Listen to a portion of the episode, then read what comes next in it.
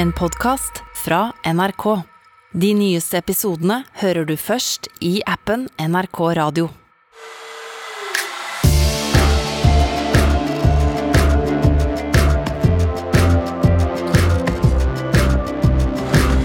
Hva blir russere fortalt om krigen på TV, og hva er målet med Putin eh, sin krigspropaganda? Unge russere bruker VPN og Tor for å få tilgang til sosiale medier, og vi skal se på om krigen, høye gass- og strømpriser kan gjøre at det grønne skiftet kommer raskere.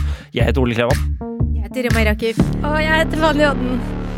Nei, vi får det jo ikke til. Jo, jo, vi gjør det. Ja, vi får det ikke til. Jo, jeg syns det her var en bra intro, eh, og at vi timer det litt sånn live, det er rått å gjøre. Greit, da holder vi oss til den. Jeg er frisk fra korona. Ja, du er tilbake! Yes. Herregud! Eh, applaus! Eh, har vi ikke en applausknapp i studio her ute sted? Jo, jo, hvis jeg bare får den musen her til å funke, så skal Ja, vi få det. det sånn, så lett. Tusen hjertelig takk. Er det. Takk.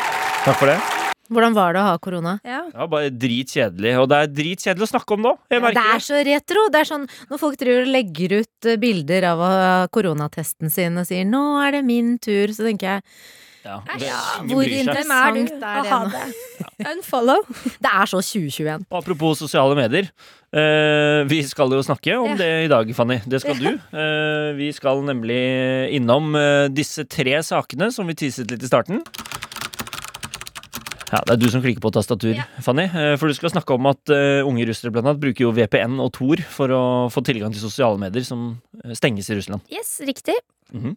Du så litt uh, du, du skjønte ikke helt ut. det, Bør Rima? jeg vite hva Tor er? Jeg vet jo hvem Tor er, men uh... Tenker du på Tor med hammeren, liksom? ja. Nei, det er ikke dit vi skal. Det her er noe helt annet. Dette er en webbrowser som Mm. gir deg tilgang til uh, ting du ikke får tilgang til i ditt eget land, f.eks. Det Mm. skal Fanny prate mer om. Okay. Rima, du skal prate om dette. is running short on electricity. Consumers are grappling with the soaring cost of food. We're talking about the global surging energy prices. Strøm er dyrt, bensin er dyrt, mat er dyrt. Alt er dyrt. Ja. Ja, jeg trenger jo egentlig ikke å si noe mer. Det, Cecilie Langum Becker sa det så pent her. ja. Vi skal også prate om Hæ? Brisk Ja, du kan den du, Du, det der er så morsomt, fordi at vi satt i redaksjonen i går og snakket om propaganda. Mm. Og da begynte jeg å synge på den sangen der, og det sa også de andre at de har hatt den sangen på hjernen i det siste. Yes, This is Propaganda av Briskeby. En udødelig klassiker. Ja. Som jeg mener er ganske fet. Jeg la den akkurat til i spillelisten min i stad, når vi eh, gjennomgikk litt lyder. Ja. Bra. Eh, Dårlig informasjon. bra Sykt for deg, Fanny. Sykt teit å dele. Nei, herregud. Det er veldig Nei, hyggelig at du deler Fortell meg mer om den spillelisten din, Jeg trekker meg på den nå.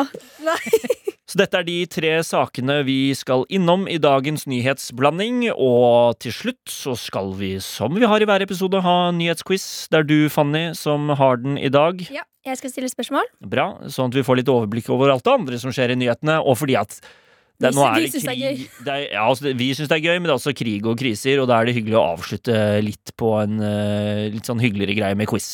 Ja. Vi kjører på.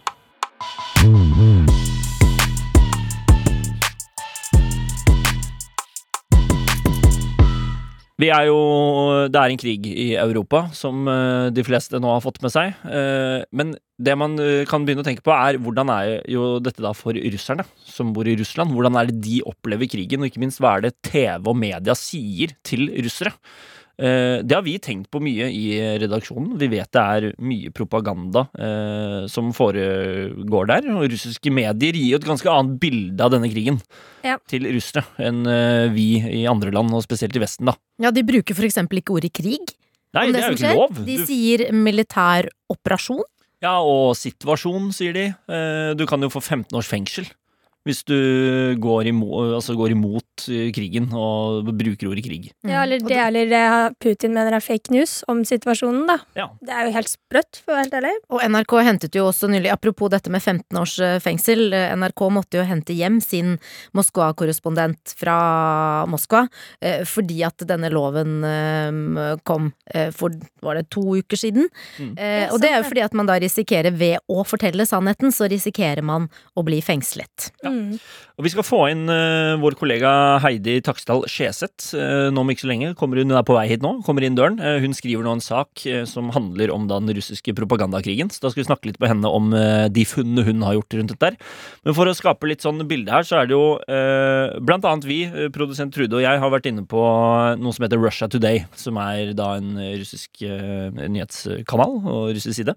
Og den er også på engelsk, og, og det, altså, det, det er Jeg lurer på om det er flere språk òg, jeg. Eh, Det er en internasjonal kanal Nettopp. som er styrt av Russland. Yes. Som for eksempel i går, da. eh, Når vi gjorde litt research til dette her, så er vi der inne, og så ser vi blant annet at det er publisert en, en video eh, som handler om en nazileir i Ukraina, hvor da en av de russiske journalistene fra Russia Today er med en eh, overlevende i gåseøyne fra denne eh, leiren, eh, Mm. som forteller om hvordan de ble torturert og mishandlet i denne leiren. Og han nyhetsankeren som også snakker om dette her, er jo som en vanlig nyhetsanker som vi opplever på TV her hjemme. Virker veldig troverdig. Veldig troverdig. Og det som var så rart, var at mens jeg sitter og ser på det her, og jeg vet jo at dette her er, det er- det er feil, og det er propaganda, og EU, Nato, FN og de fleste nabolandene fordømmer jo denne russiske krigføringen og, og propagandaen fra russisk side. Eh, Men likevel, når jeg sitter og ser på det, så er det jo så ekte at jeg blir jo dratt inn i det. Og jeg sier til produsent Trude sånn eh, Men vi må jo få verifisert at dette her er eh, feil. Altså Jeg bare merker selv at når jeg sitter og ser på det, så blir jeg Du, du, du kommer inn i modus hvor du kan tenke at dette her er ekte. Eh, og Amund Trellevik, som er journalist, som var på Dagsrevyen eh, NRK denne uken, han fortalte at det er spesielt tre eh, kanaler i Russland som dominerer eh, nyhetsbildet.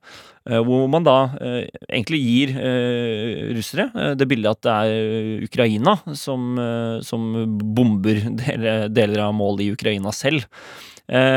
Og New York Times hadde en veldig fin podkast denne uken, hvor de blant annet pratet med en eh, ukrainer som bor i Kiev og opplever krigen altså helt på kroppen der. Han hadde ikke fått pratet med faren sin siden krigen startet. Faren hans bor i Russland. Han ringer til faren sin, og så sier han ja, her i Kiev så er det jo nå full krig, og vi bombes av Russland, og det er forferdelig. Og så sier faren å ja, nei, nei, nei, det er ikke det som skjer, vet du. Eh, Russland har jo bare gått inn for å hjelpe dere, siden nazistene har tatt over regjeringen deres. Vi skal bare inn der og, og hjelpe, og, og få vekk dem. Ja. Og sønnen sier ja, men det, det er ikke det. Altså, jeg er jo her, jeg ser jo hva som skjer. Og faren, faren nei, nei, det er ikke sånn det foregår.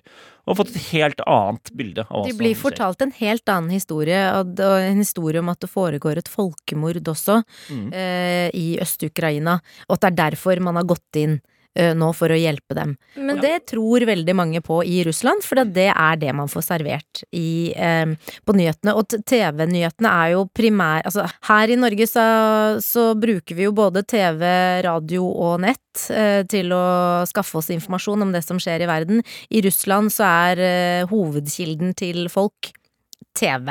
Og Ja. det er jo styrt av de som styrer der. Riktig. Men jeg vet også eh, det som det snakkes om, som NRK intervjuet jo en eh, russer her i Norge som heter Natalia Hansson, Mm. som følger med på hva, hva som skjer i hjemlandet sitt. Og hun sier jo at et av de problemene også er at etter Sovjetunionens fall, de generasjonene som ble født da, de lærer engelsk. De har lært Mm. engelsk, og de eh, får også da muligheten eh, til å forstå og se annen type nyhetsformidling i verden. Ikke sant? De kobler på seg på en helt annen måte Mm. de før Sovjetunionen eh, unionens fall, den generasjonen før det, som jeg da antar faren til denne ukraineren er en Ja. del av, han kan mest sannsynligvis bare russisk, og blir da oppdatert gjennom de russiske mediene, som da gir et feil bilde av det. Ja, jeg snakket også med en russer som kunne bekrefte det. Hun er en ung russer som bor i Norge, hun er 19 år gammel. Og hun sa det at eh, det er, en, det er et generasjonsskille der. At du ser ofte at det er de eldre eh, som tror mer på propagandaen, mens de litt yngre er litt mer skeptiske. Og det kan også henge sammen med at man er litt mer på sosiale medier, for det er jo litt interessant. eh, Får man tak i informasjonen? For det er jo mye alternativ informasjon også, som ikke russerne kan styre over, eh, som, eh, som de unge kan bruke. Absolutt. Eh, og med tanke på det vi snakket om også med uh, at mange russere får jo uh, nyhetene sine da først og fremst av TV, eh, så hadde vi også denne uken Maria Ovsjanikova, som var jo redaktør i en kanal i Russland som heter Kanal 1, eh, hvor hun hoppet inn i en direktesending med en plakat. På plakaten så sto det 'Stans krig'. Hun ropte 'Stans krigen, stans krigen', og på plakaten sto det 'Stopp krigen, ikke tro på propaganda'. De lyver til deg, russere mot krigen. Ja. Eh, og så ble jo hun eh, tatt og måtte møte i retten. Eh, hun har foreløpig bare fått en bot. Eh, det hun var slapp unna med en bot. Hun slapp foreløpig unna med en bot. Det var for Hun lastet opp en video eh, der hun fortalte om hva hun gjorde. Ja. Hvor hun blant annet også sier at hun skjemmes over at russere blir fortalt løgner, at det blir spredt propaganda. Og hun sier at hun skjemmes over at hun har vært en del av det. At hun, samvittigheten hennes eh, hun, hun klarte ikke mer. Hun sa selv hun har jobbet der eh, tidligere og spredt det hun kaller for Kreml-propaganda. Ja. Denne videoen hun la ut, hvor hun forklarer på en måte stuntet, det var den hun fikk bot for. Og så får man jo se om det skjer noe mer senere, da. Eh, men Frankrike har faktisk tilbudt henne eh, asyl. Mm. Eh, Så det blir spennende å se om hun kommer seg dit. Ja, Ja, ikke sant. Mm. og der er eh, Heidi, faktisk. Så nå kommer hun inn. Perfekt. Hei, Heidi. Så hyggelig at du kunne komme innom. Ja, fint å være her. Heidi Taksdal Skjeseth, som er altså journalist i utenriksredaksjonen. Stemmer. Eh, Min og, kollega. Vi jobber sammen. og vår, da. Vi er jo i NRK Men mest min. Vi jobber i samme redaksjon. Ja, da. Mest Rima sin, greit. Du skal få den for deg selv, Rima. Det er greit. Eh, kan, kan du, og du jobber jo da med nå en sak som heter eh, propagandakrigen i Russland. Mm, Eller Putins propagandakrig. Riktig. Hvordan oppleves det for russere, og hva er det de blir fortalt? Vi har snakket litt om det, men det er fint å høre fra deg på en måte det du har eh, sett. Ja, ja. De blir jo fortalt eh, For det første er det jo ikke lov til å kalle krigen for krig. Nei. Eh, så det heter eh, enten en spesialoperasjon eller en militær spesialoperasjon. Eh, eller en fredsoperasjon, omtales den også som. Fredsoperasjon òg, ja. fredsoperasjon. Fordi ifølge Vladimir Putin, presidentens eh, narrativ, så, og det er dette som gjenfortelles i eh, statskontrollerte medier, er eh, Ukraina styres av nynazister. Han har også kalt de narkomane nynazister. Eh, som Narkomane nynazister, ja. Rett og slett. Og eh, Ukrainas pres eh, president er jo jødisk, så det er en litt sånn rar eh, påstand også. Mm. Og Russland skal på en måte befri befolkningen fra eh, det nynazistiske styret. Eh, det er eh, fryktelig mange påstander som går igjen, men det store narrativet er, er nettopp det at dette er en fredsoperasjon som Russland er nødt til å ta ansvar for å utføre.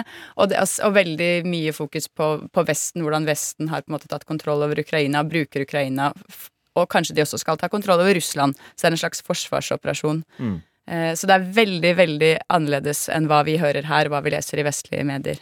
Hva er det som gjør at russerne tror på dette? Ja, det er veldig vanskelig å vite hva russerne tror på og ikke, fordi det finnes jo ikke meningsmålinger, det er ikke et fritt eh, eh, samfunn. Mm. Eh, men målet med denne propagandaen er ikke nødvendigvis å få de til å tro på det ene eller det andre, men å så en tvil eh, og komme med påstander en ikke kan begrunne, eh, for å skape en, en, en tvil om det er Er det noe som er sant, er det noe som ikke er sant, er det så farlig? Eh, for det, det gjør en befolkning ganske apatisk og kynisk, hvis en ikke kan finne ut av eller slutter å bry seg om hva som faktisk stemmer eller ikke. Og det er målet for en sterk leder eh, ved å drive propaganda på denne måten. At folk skal bli likegyldige. Nettopp. Mm. Ja, fordi hvis de blir likegyldige til dette, eh, og ikke nødvendigvis tror på det ene eller det andre, Da så, orker man ikke Så å- gjør de ikke opprør. Ja, da mm. orker man ikke å bry seg, og da kan en sterk leder gjøre hva han vil. og da fremstår han som sterk òg, da, på en måte, fordi at han tar dem på en måte gjennom denne usikkerheten. Og trygg. For det er jo det ekspertene mener, at hvis, hvordan skal dette ende, eller hvordan skal man få Putin til å stoppe? Eh, Og ekspertene sier at det eneste man ser for seg, er at um, at eh, folket blir så opprørt, eh, eller at de får nok, og at de gjør opprør mot han, og, og enn så lenge så ser jo ikke det ut som om det er eh, en sannsynlighet. At, Nei, at det ser- kommer til å skje. Vi ser jo, vi ser jo små tegn til opprør rundt omkring, og så, så får vi se om det inspirerer andre, og om folk tør. til at, men, men spørsmålet er, er det nok til å ikke sant? Man, Som du sier, man ser små opprør, men det er nødvendigvis ikke nok til å kunne styrte han. Nei, sånn som det ser ut nå, Mm. så ser det absolutt ikke sånn ut. Heidi, det var veldig hyggelig at du kom innom og snakket om dette her. Så Det er veldig, veldig spennende og interessant. Eh, Så du kan, dere kan jo da lese Heidi sin eh, sak. Den kommer, eh, på, den kommer, Helga. den kommer i helgen. Så, så du som hører på nå, eh, det, så er det kanskje helg. Så da er det bare å gå inn på nrk.no og lese Heidi sin sak om propagandakrigen til Putin. Og så skal Urix handle om dette neste uke.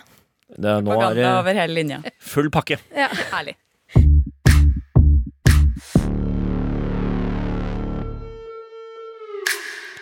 Ja, så Som vi har snakket om nå, så er det jo propaganda som foregår i Russland. Og flere, annet sosiale medier, har jo blitt blokkert av Putin den siste tiden fordi han ikke vil at folk i Russland skal kunne følge med på det som skjer, og se hva andre på en måte sier om hele situasjonen. Eh, og så har vi jo eksempel Instagram, Facebook, WhatsApp og Messenger, som er eid av selskapet Meta. Mm. Eh, og det her har jo blitt blokkert nå. Instagram ble jo blokkert denne uken her, faktisk, på mandag. Meta har nemlig endret retningslinjene sine, eh, og nå tillatt at folk kan kunne dele på en måte litt sånn hatefullt innhold, nesten, eh, som er rettet mot eh, Russland og russiske soldater og russiske myndigheter generelt, som da gjorde at Russland for eksempel da ble veldig sint, ikke sant, og er sånn, det her gidder ikke vi at de, det skal være lov å gjøre, da vil ikke vi ha det her i vårt land, altså derfor er det blokkert, på en måte. Men alle de er blokkert, de du nevnte nå. Ja, Det er alle disse som er eid av Meta. Ja. Så også er jo det da på en måte nyeste nå da er jo da at Instagram også faktisk ble blokkert. Eh, som det har vært snakk om en liten stund før det skjedde. Nick Clegg, som er presidenten for Global Affairs i Meta, eh, tok jo til Twitter for å forklare hvorfor de har endret eh, retningslinjene sine, og han sa jo rett og slett at hvis vi hadde holdt oss til de standard retningslinjene uten å justere de, eh, så ville vi ha måttet fjerne innhold som vanlige ukrainere eh, la ut, hvor de uttrykker sin motstand, eksempel, eller sitt raseri mot da disse invaderende militærstyrkene som har kommet i landet deres. Ja. Eh, og det er noe vi føler at er uaktuelt, rett og slett, og at vi skal ta fra dem den muligheten. Så det er på en måte bakgrunnen for hvorfor Instagram og Facebook og Meta sine ja, Plattformer har blitt, plattformer har blitt- stengt. ja. Ja. Så er jo poenget her at eh, Putin har jo nå prøvd da, ikke sant, blokkere for eksempel sånne sosiale medier eh, for at ikke vanlige russere skal finne så mye informasjon eh, som ikke da er propagandaen han ønsker å servere, på en måte. Og da har jo russere nå begynt å ta i bruk metoder som gir dem tilbake til tilgangen, da, egentlig, på disse sosiale mediene. Mm. Så som vi snakket litt om, så er det jo eh, mange VPN-apper som har blitt veldig mye lastende den siste tiden. Det er også krypterte meldingsapper. Eh, Tor, for eksempel, som er en nettleser som anonymiserer hvem du er på internett og den trafikken du har på internett, eh, har jo blitt eh, vokst som bare rakkeren. Så det er det Tor gjør, ja. Nå, for jeg har ikke brukt det selv, så jeg bare eh, Ja. Tor Men det er er det, jo det er det det gjør. Det er jo egentlig veldig forbundet med the dark web, Ja, eh, og, som er på en måte veldig riktig å si, Er det Tor Project? Anonymity Online? ja, det Jeg er tenkte jeg bare skulle finne appen, Ja, det er, ja, Det er bra du sitter og googler underveis, Rima. Det er helt rått. Nei, det er rett og slett en nettleser som veldig mange som skal på the dark web, bruker fordi at den er så god på å anonymisere, anonymisere hvem du er, og hva du gjør på internett. Altså hele nettrafikken din, på en måte. da Ja. Det Tor gjør sånn kjempeenkelt, er på en måte at den tar nettrafikken din hvis du sitter og googler Rima, og så kaster den den rundt i andre servere over hele verden. Så det på en måte bare forsvinner langt ute i nowhere. Så man ser på en måte ikke Å ja, det er her hun sitter i Norge, og dette er henne. Og dette er det hun skriver om. Så det er litt sånn for skurker og sånn også, eller folk som vil gjøre Det er jo litt, mye rart shit Ja. som foregår på the dark man- web. Så, men det kan jo eh, også Men nå bli kan det brukes til noe positivt. Nå kan du sitte Ja. og være russer i Russland og bruke sosiale medier. Altså At man er på Tor betyr ikke at man er på the dark web. For å si det sånn, det er ikke the dark web, da. Eh, Det er bare veldig populært på mm. the dark web. Så er det også en meldingsapp som har vokst veldig mye i Russland siden krigen mot Ukraina startet, som heter eh, Signal, og som er en kryptert app. Eh, for litt over en uke siden så ble den lastet ned over 132 000 ganger i Russland, som er en økning på 28 eh, mer enn uken før, da. Eh, ifølge Sensor Tower, som har eh, kommet ut med disse tallene. Så har vi også Telegram, som vi har vært litt eh, Eller som man kanskje har hørt om, som har blitt mye brukt. Den har faktisk gått ned i vekst, men har fortsatt blitt lastet ned mer enn en halv million ganger i Russland. Så det er jo fortsatt mange som bruker den. Men eh, spesielt eh, en app som heter, eller et verktøy vi kan kalle det, som heter Lantern, har blitt populært også. Eh, og Lantern og Tor er litt forskjellige ting. De beste som er best på å beskytte seg selv, bruker jo flere ting samtidig. ikke sant? At både bruker Tor, som gjør at du er anonymisert og alt det her, Mm. og så bruker de Lantern. Og det Lantern gjør, er at det er det er et verktøy som dirigerer på en måte internettrafikken din rundt regjeringens brannmurer. Sånn at Ah, ja. de blokkeringene som for da Russland har satt ned, hvis du bruker Lantern, så kommer du deg forbi de, og i tillegg hvis du da bruker Tor, så er du også 100% anonym. Så det er jo veldig mye av dette her som er ute og går, og man ser jo bare egentlig veldig kort og godt at russerne nå har blitt mye flinkere til å bruke det her. Det er jo liksom mange hundre tusen nedlastninger. Så er det jo da bare viktig å huske på at det er jo 144 millioner mennesker i Russland.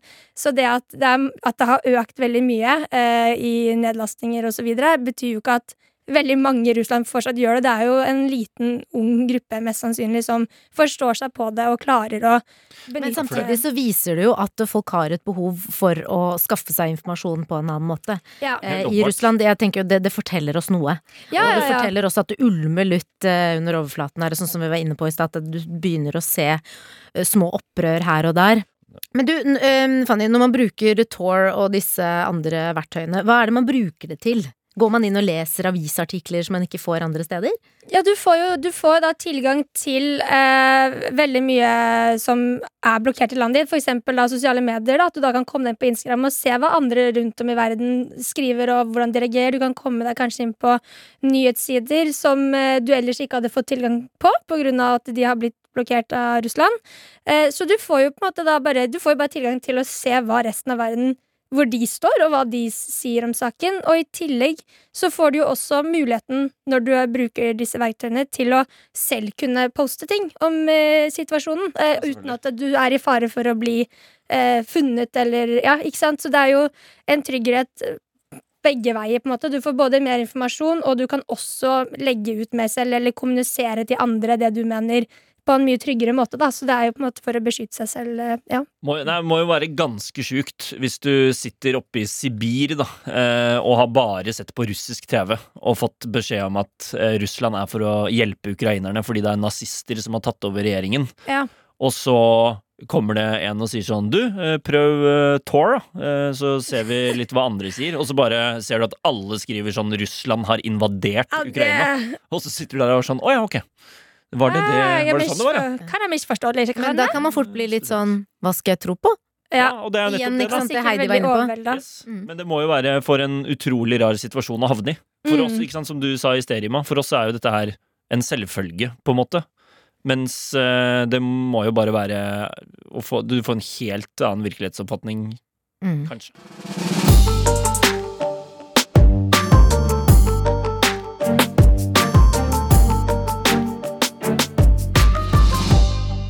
Nergis Bekim har tre barn eh, og bor i Storbritannia.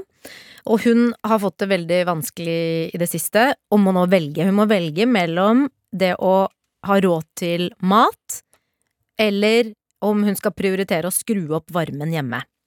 Eh, hun velger jo da det første, mat, fordi Ja. mat er jo elementært. Det må man ha. Mm. men det hun sier er at eh, Eller det hun sier til NRK, er at da må barna fryse. Eh, fireåringen hennes forteller at ah, mamma, jeg fryser på dagtid fordi hun må skru ned varmen. Um, og de må gå med flere lag med gensere for å greie seg. Eh, og hun er eh, en av veldig mange som har fått dårligere råd i det siste på grunn av eh, at gassregningen i Storbritannia har blitt eh, Skyhøy. skyhøy, for der eh, går jo my ganske mye på gass. Altså de lager mat, de bruker gass til å lage mat eh, og varme opp. Eh, og nå er det sånn at hun ofte må stå i matkø for å få hjelp, for å få ting til å gå rundt. Det er jo frivillige som deler ut mat til fattige. Så veldig mange har blitt fattige. Og fattigere enn nå den siste tiden. Kan jeg bare si en ting? Du har begynt å rekke opp hånden, Fanny. Ja, det, det, det jeg skulle bare si er at eh, Jeg skal ikke sammenligne meg selv eh, med hun her, men det er akkurat det som skjer hjemme hos oss også. Mor har skrudd av all varmen i de to nederste etasjene, og så går pengene til mat. Jeg vil bare si det. Ja, ja, men det er mange som Nei, tenker sånn om dagen. Det er jo det er jo ikke, ikke sant? Det er jo ikke bare i Storbritannia, det var det jeg skulle si. Nei. Det er jo ikke bare i Storbritannia at situasjonen er sånn.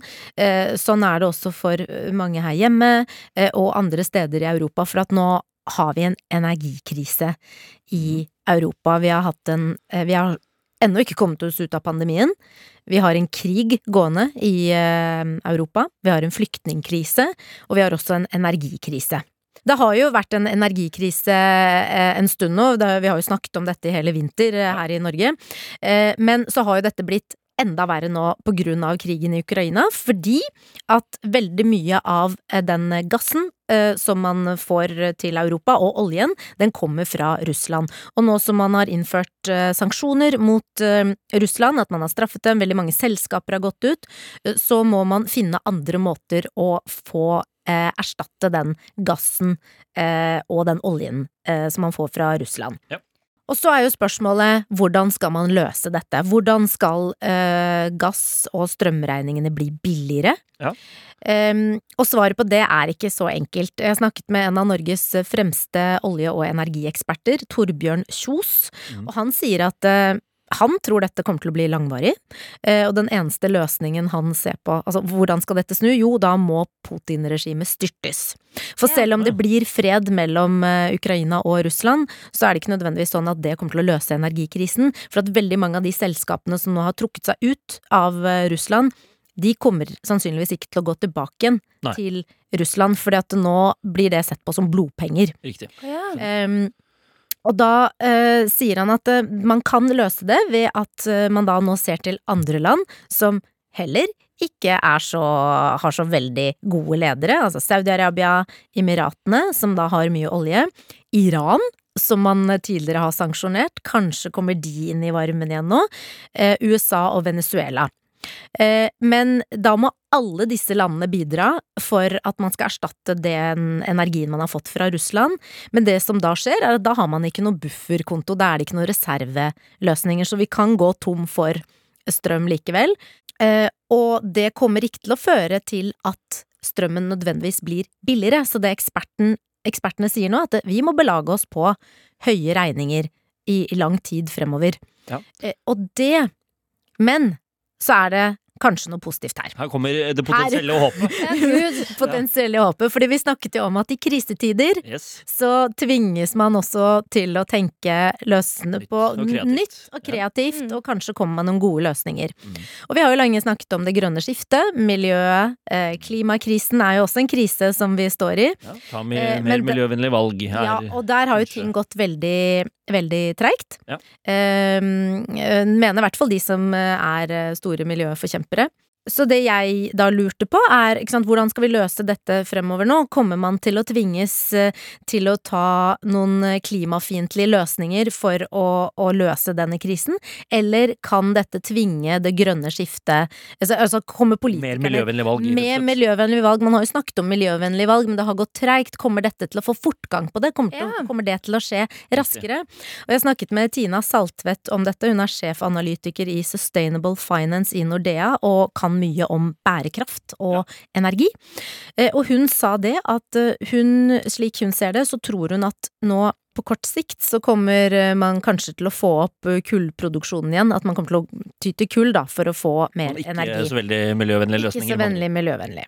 Nei. Mm. Men eh, på lang sikt så tror hun at vi kommer til å få fortgang på det grønne skiftet. At, man, at politikerne da eh, ser på mer miljøvennlige løsninger. Og så sa hun også at vi som forbrukere, eller vi vanlige folk, må også belage oss på å ta Altså fordi vi eh, kommer til å få høyere regninger, vi må betale mer for å få strøm, så kommer vi også til å ha mindre penger til andre ting. Så vi må ta ned forbruket vårt, altså vi må shoppe mindre, Um, oh, oh. Reise mindre. tenkte, ah. Reise mindre, fordi at nå blir det jo også dyrere å reise når oljeprisen eh, og drivstoffprisen er så høy. Men, men foreløpig så er det jo ingen som vet hvordan dette her kommer til å um, utvikle seg. Men det er i hvert fall noen som ser at det er et lite håp der. Et lite miljøvennlig håp oppi alle krisene. Bitte lite håp inni Kanskje liten var det det sparket man trengte i rumpa for å få litt fortgang på ting.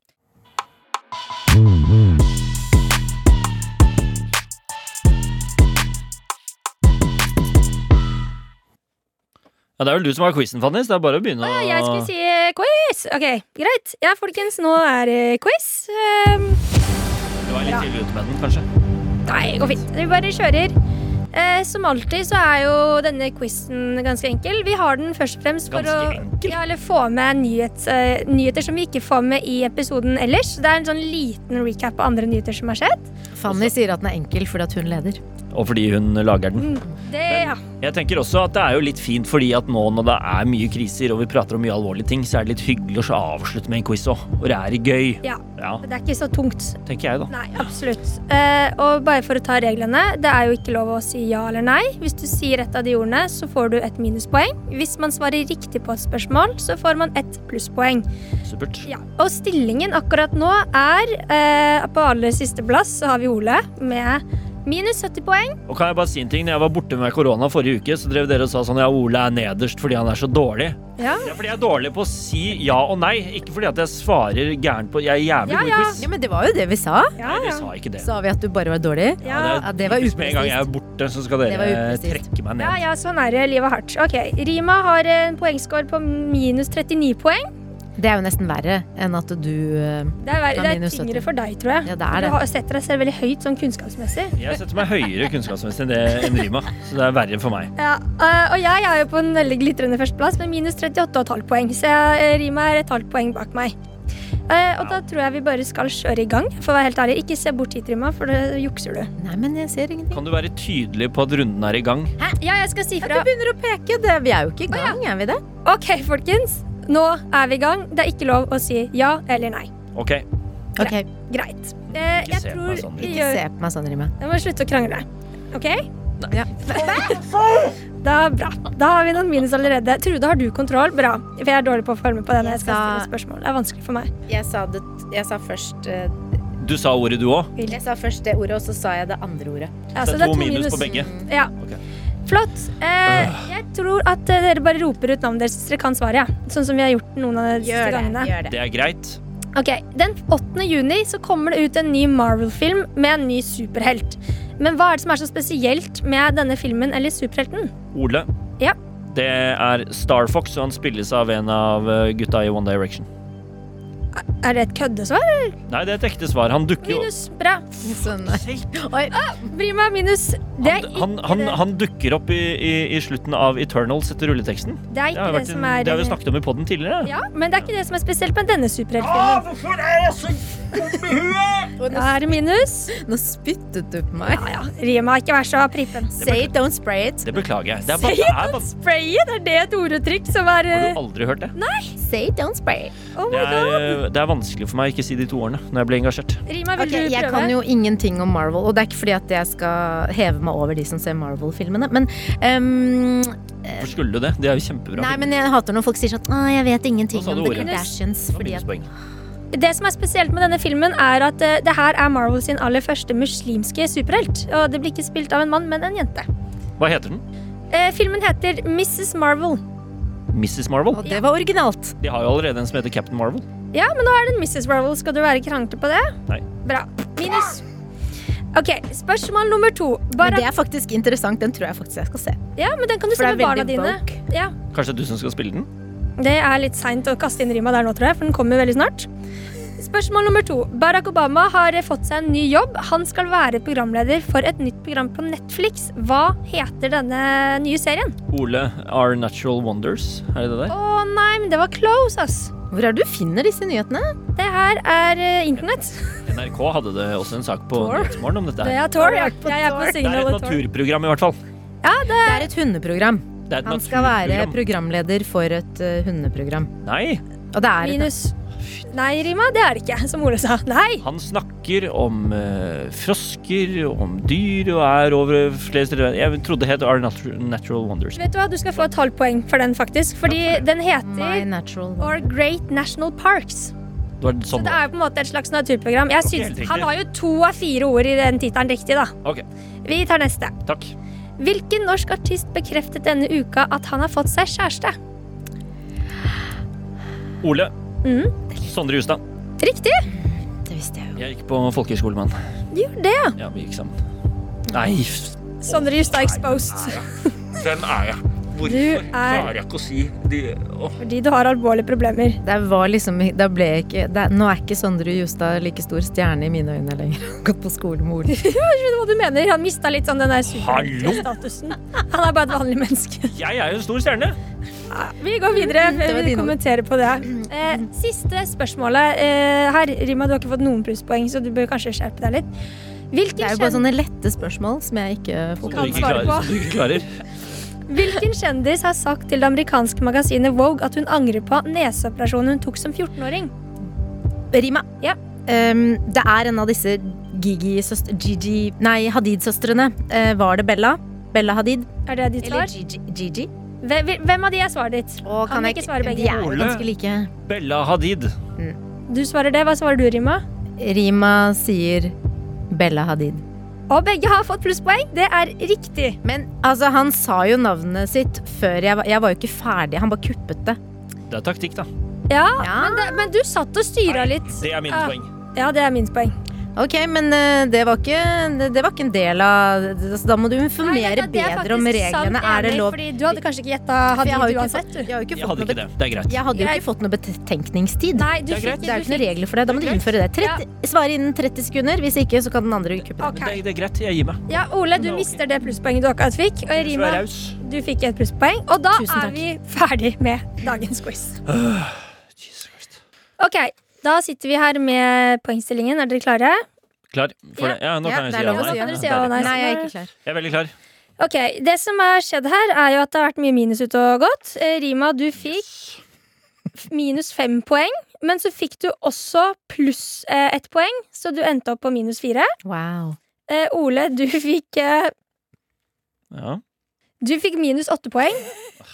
Eh, og så fikk du pluss ett og et halvt poeng. Bare ett. Ok. Så du ender opp Jeg følte at du hadde mange riktige svar. Ja, men det var ett, og så var det et halvt, og så fikk du ikke for det Jeg siste. skjønner, jeg skjønner. Så hva ble det? Da Så ble du ender jo da på minus seks og et halvt poeng, som betyr at Rima, du er nå på minus 43 eh, poeng, og Ole er på minus 77,5 poeng. 43 minus 43? Ja, Dårlig. Ja ja, sånn er det. sånn er det. Ja. Så det går ikke akkurat opp fremover her, det går bare én vei for oss alle, og det er nedover. Men vi, er, vi, vi, vi kan mye. Det er bare den der dumme ja-nei-regelen. Ja, Ja, Jeg må bare få sagt det, altså. ja, ja det, det er tydelig. Klart og tydelig. Det er bra. Eh, Da håper vi dere har kost dere med denne episoden. Ja, har Eh. Lært noe Jeg spurte egentlig lytterne, da, men det er fint at dere svarer. Jo, men vi har kost oss. Altså, vi, vi har i Ja, hvert fall kost oss. Ja. Ja, ja. Eh, hvis dere liker å høre på nyhetsblanding, anbefal gjerne til en venn. Og hvis dere har lyst til å stille oss spørsmål, hvis dere lurer på noe dere vil at vi skal ta opp i podden, så kan dere sende til nyhetsblanding.nrk.no. Eller sende en uh, direkte, altså en DM rett til Rima, Fanny eller meg på Instagram. Det er Ja, også veldig det er veldig mulig. Eh, og så håper vi at alle har det bra, til tross for det som skjer. Hva skal dere i helgen da? Fanny først. Jeg skal i en middag hvor jeg egentlig ikke kjenner noen. Kult, Rima. Stå på slalåm. Jeg skal stå på curling.